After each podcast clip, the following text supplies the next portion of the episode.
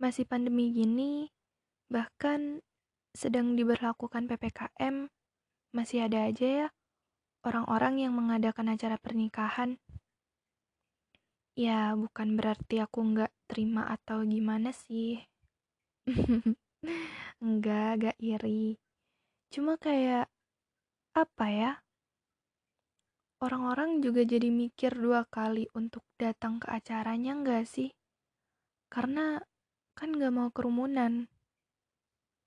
Oh iya, ngomongin pernikahan, salah satu sahabatku sudah resmi menjadi seorang istri. Izin cerita sedikit ya. Jadi,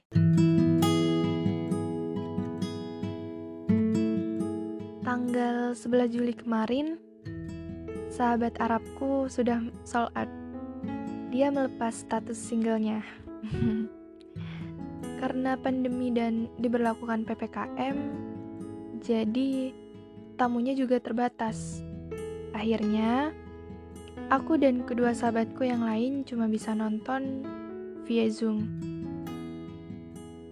Jadi, lucunya di hari itu sahabatku yang bernama Vira dia panik. Dia kirim pesan lewat grup kayak nanya woi ini si Fatim gimana? Tuh pokoknya intinya dia panik kayak kepikiran sendiri gitu. Aku yang awalnya biasa aja jadi ikutan gregetan. Nah, karena aku punya kontaknya kakaknya Fatim, sahabat Arabku ini, akhirnya aku kontak kakaknya, aku tanya acaranya jam berapa. Kakaknya bilang sih jam 9. Terus aku bilang, ini nggak live atau gimana kak? Ternyata ada zoomnya. Aku dikirim linknya dan ya join, tapi disuruh join jam 12 siang dari jam 9 ke jam 12 lumayan lah jadi akhirnya karena aku sering begadang ya. Aku biasanya ketiduran gitu. Eh bangun-bangun jam setengah 12 kalau nggak salah tuh itu aku langsung sibuk. Sampai sampai aku minjem HP nenek untuk uh, join zoomnya. Jadi pas aku join itu di situ masih kayak apa ya kayak solawatan gitu gitulah jadi ini masih acara akad. Nah joinlah kita di situ. Sampai si sahabatku satunya namanya Lala. Jadi ada Lala Vira Fatim Lala ini ngajakin uh, apa ya ngajakin aku sama Vira itu join ke apa sih kalau dari Google yang ada video gitu ya. Video call video Google Meet ya? Google Meet kalau nggak salah tuh. Intinya kita gabung di situ cuma emang jaringan aku rada rada-rada gitu ya. Jadi ya macet-macetan. Singkat cerita di Zoom itu masih lama banget itu jam jam jam berapa ya? Jam satuan apa ya? Terus sampai akhirnya aku nunggu aku nunggu. Ada calon suaminya Fatim keluar dan itu ijab kabul itu aku rada rada nggak nggak nyadar kalau ternyata itu udah dimulai gitu. Maksudnya udah pengucapan ijab kabul gitu ya. Karena mungkin macet-macet juga zoomnya. Terus di sini Lala Lala juga nyadar.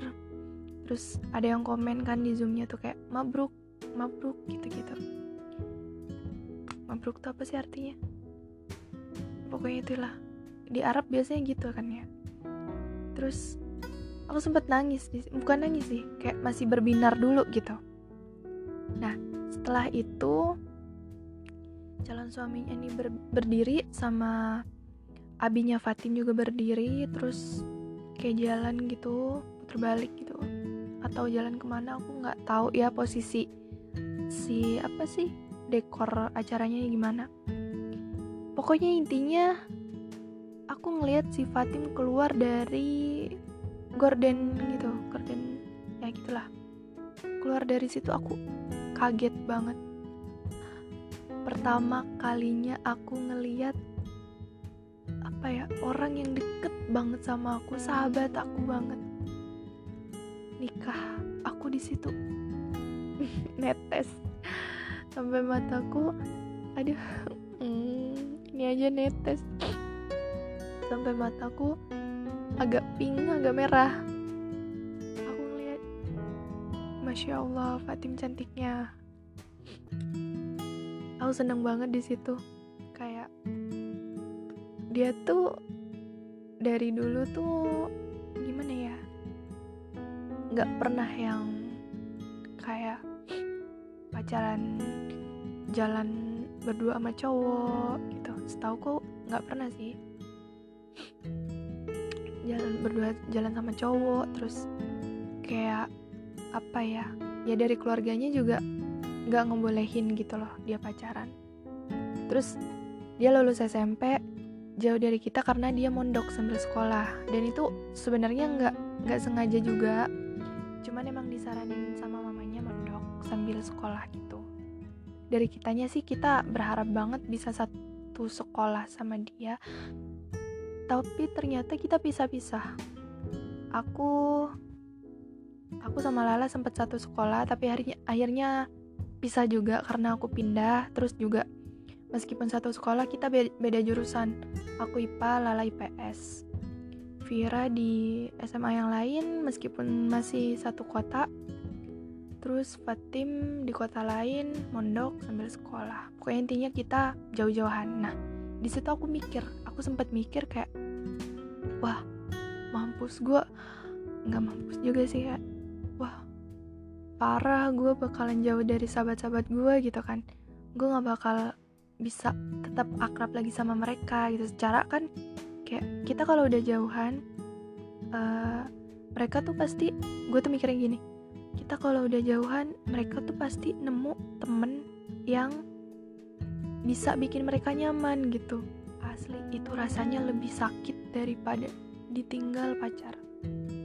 Ditinggal sahabat tuh lebih aduh lebih nyes gitu rasanya. Gue mikir gitu tapi nggak. Ternyata pas Fatim liburan kadang dia pulang itu kita masih sempat meet up gitu. Masih sempat kumpul gitu terus ternyata pas lulus SMA nggak tetep aja kalau balik ya balik gitu. Maksudnya kita bareng ya bareng gitu. Masih bisa kumpul gitulah. Meskipun ya paling susah itu si Fatim sih. Paling susah untuk kumpul. Tapi awal-awal uh, lulusan SMA mungkin kayak kita masih pada nganggur gitu kan. Jadi ya masih banyak aja gitu waktu buat ketemu itu sampai bosan bosan dah tuh singkat cerita uh, itu acara aku lupa sampai jam berapa ya. Pokoknya intinya sampai uh, mereka jalan gandengan sampai ke kuadenya ke pelaminannya mereka duduk. Eh belum duduk apa masih berdiri gitu ya masih salim. Gitu gila. Gitulah pokoknya sampai kan kalau uh, tradisi Arab tuh ada yang joget gitu kan. Nah sampai acara itu barulah uh, aku sama Vira Lala keluar dari Zoom itu. Udah nggak gabung lagi karena kita udah lihat itu kita udah netes. Nangis banget. Mm, seneng. Aku tuh wah aku ikut bahagia. Sekaligus sedih juga sih karena ya nggak sedih-sedih amat cuma ya sedihnya karena kita bakalan susah makin susah buat ngumpul berempat. Gitu. Berempat. Aduh susah. Ah susah banget terus belum lagi mikir Lala kan kuliah di Surabaya. Vira nih masih OTW Insya Allah sih dia bakalan di Surabaya juga. Nah Fatim ini uh, Insya Allah ikut suaminya nanti ke Lombok. Dan itu Lombok Surabaya Madura. Lombok aduh Lombok itu jauhnya nggak aduh nggak ngotak udah. Ah nggak kebayang sih kalau nantinya bakalan jauhan. Parah sayang banget sama mereka mereka bertiga itu termasuk orang-orang yang bikin aku tuh nggak minder tanpa disengaja. Bahkan mereka cuman ngasih motivasi dikit gitu. Nggak gini-gini. Pas waktu SMP awal, itu aku anaknya pendiam banget. Dari SD sih sebenarnya. Aku pendiam banget. Introvert, nolep. Ya nggak nolep juga sih. Pokoknya pendiam, polos. Eh emang polos. Tapi pendiam banget karena aku mau ngomong sama orang tuh apa ya takutnya nggak dihargain nggak didengar udah mikir gitu duluan sih nggak dianggap gitu sampai akhirnya kelas 2 SMP aku sekelas sama mereka um, awalnya ada temenku yang ngenalin aku sama Vira. Terus kalau Fatim ini anak baru. Dia tuh anak baru dan kita tuh nggak sengaja deket dari rollingan tempat duduk. Jadi sampai akhirnya entah gimana ceritanya tuh rollingan du tempat duduk itu berhenti gitu. Dan berhentinya aku waktu duduk sama Fatim Vira ini kayaknya duduk sama Lala atau satu kelompok atau gimana aku nggak paham. Terus karena aku udah kenal sama Vira juga ya pernah satu kelompok juga sama Vira akhirnya kita ya akrab gitu. Terus kita jadi temen dan aku duduk sama Fatim ya udah kita akhirnya ya bareng nggak tahu gimana ceritanya pokoknya intinya pas kelas 2 itu kan kita sekelas semua tuh.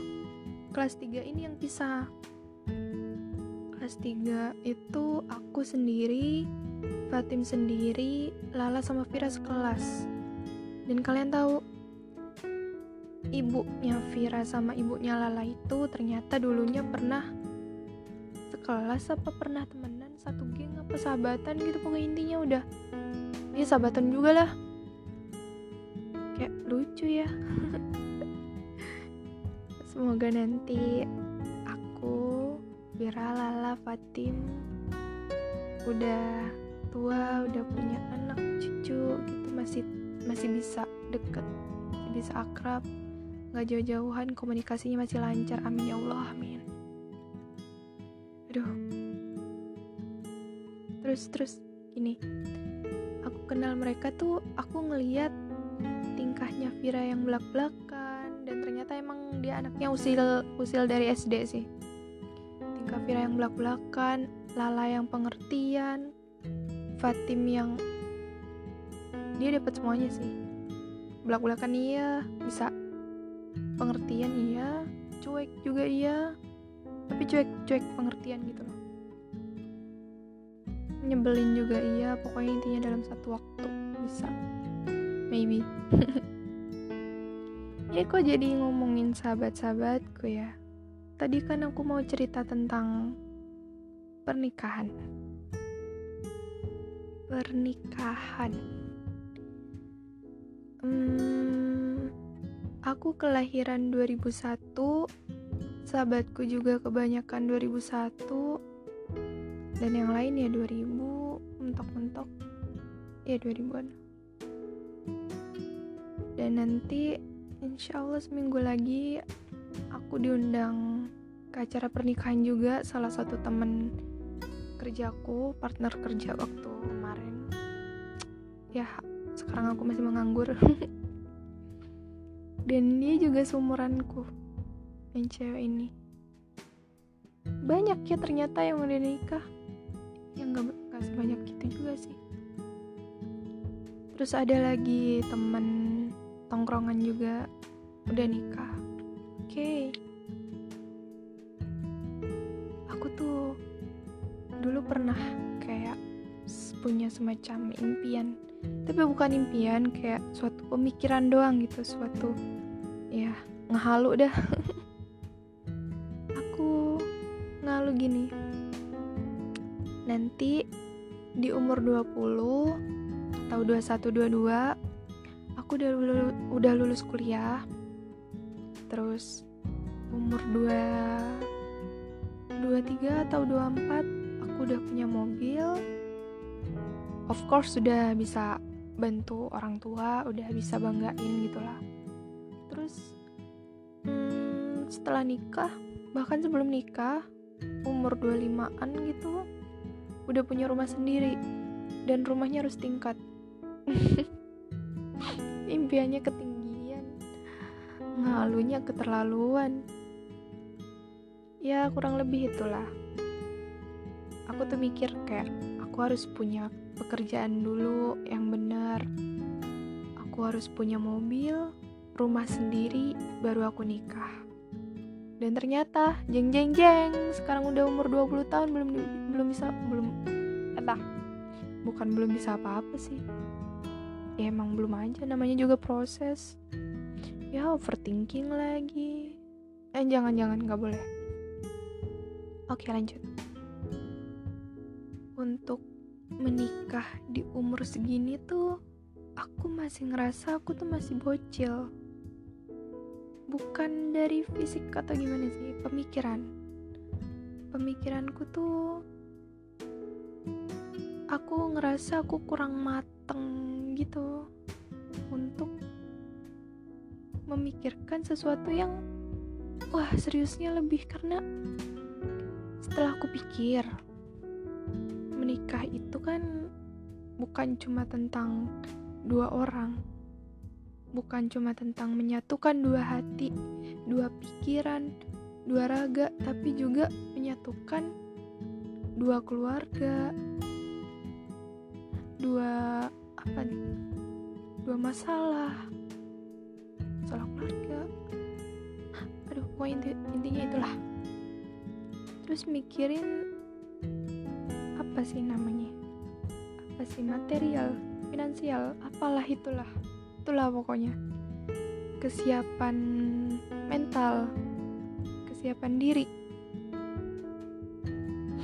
Yang aku pribadi aku aku masih belum suka untuk masak ya karena aku nggak suka jadi nggak bisa. Tapi kalau untuk cuci piring beres-beres gitu mungkin masih bisa. Ya bisa cuma kadang aku tuh masih susah untuk ngelawan rasa malas gitu. Bukan kadang sih sering.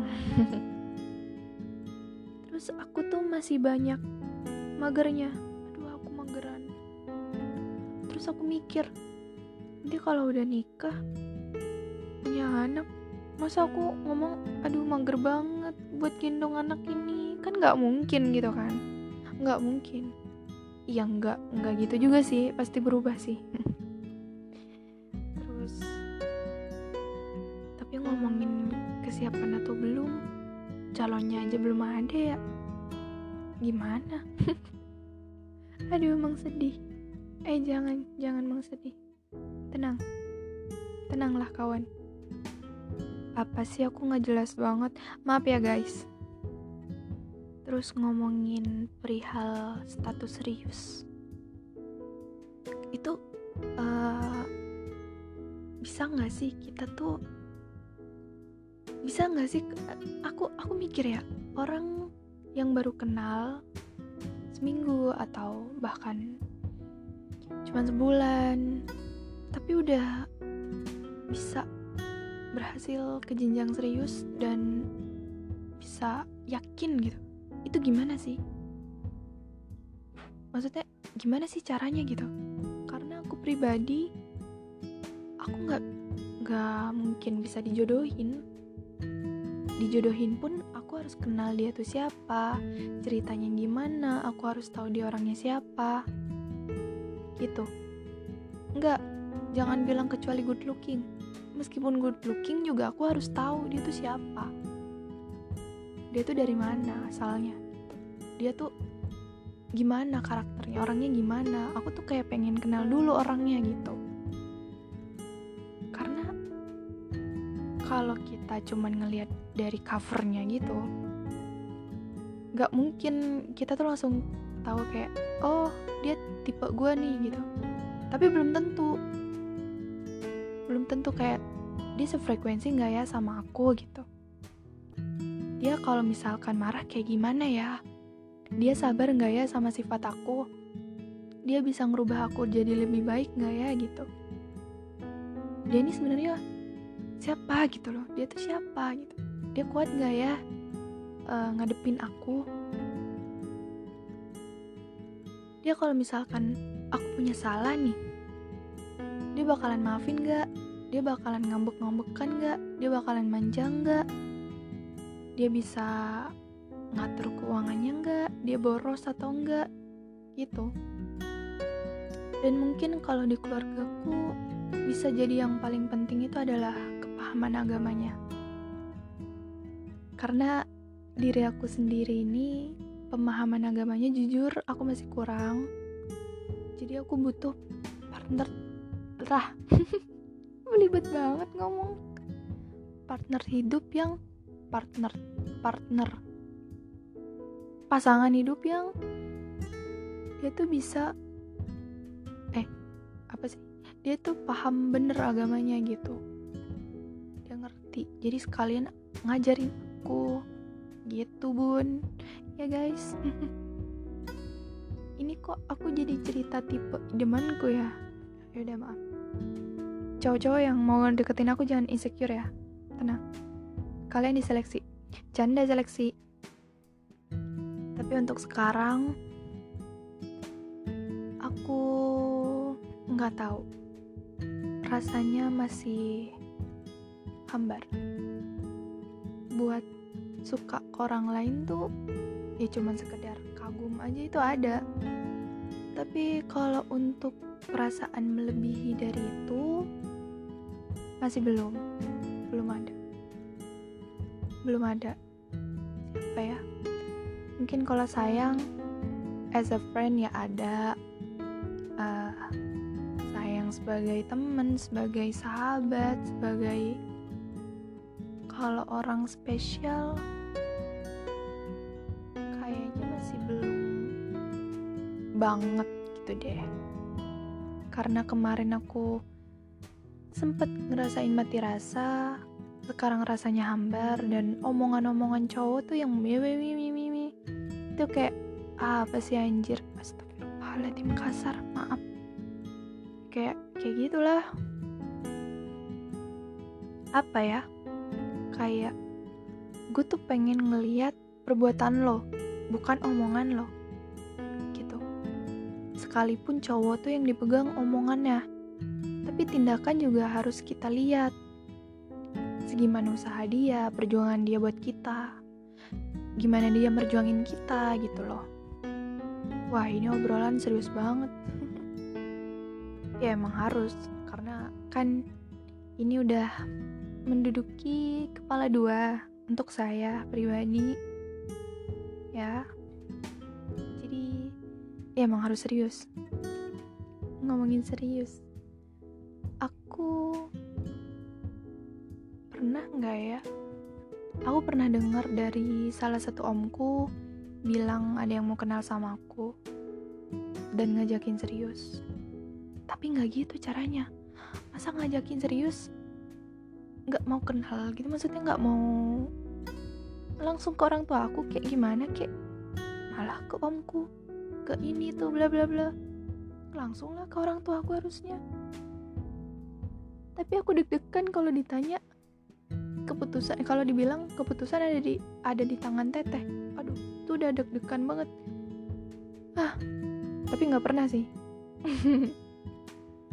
Ya udahlah kalian udah bosen ya dengernya. Ya udah mungkin cukup sekian karena aku juga bingung ini mau ngomongin apa lagi. Sepertinya sudah lumayan banyak dan untuk kalian yang ingin menikah, semoga dilancarkan. Dan yang belum nikah, semangat untuk mempersiapkan diri, termasuk saya. Dadah!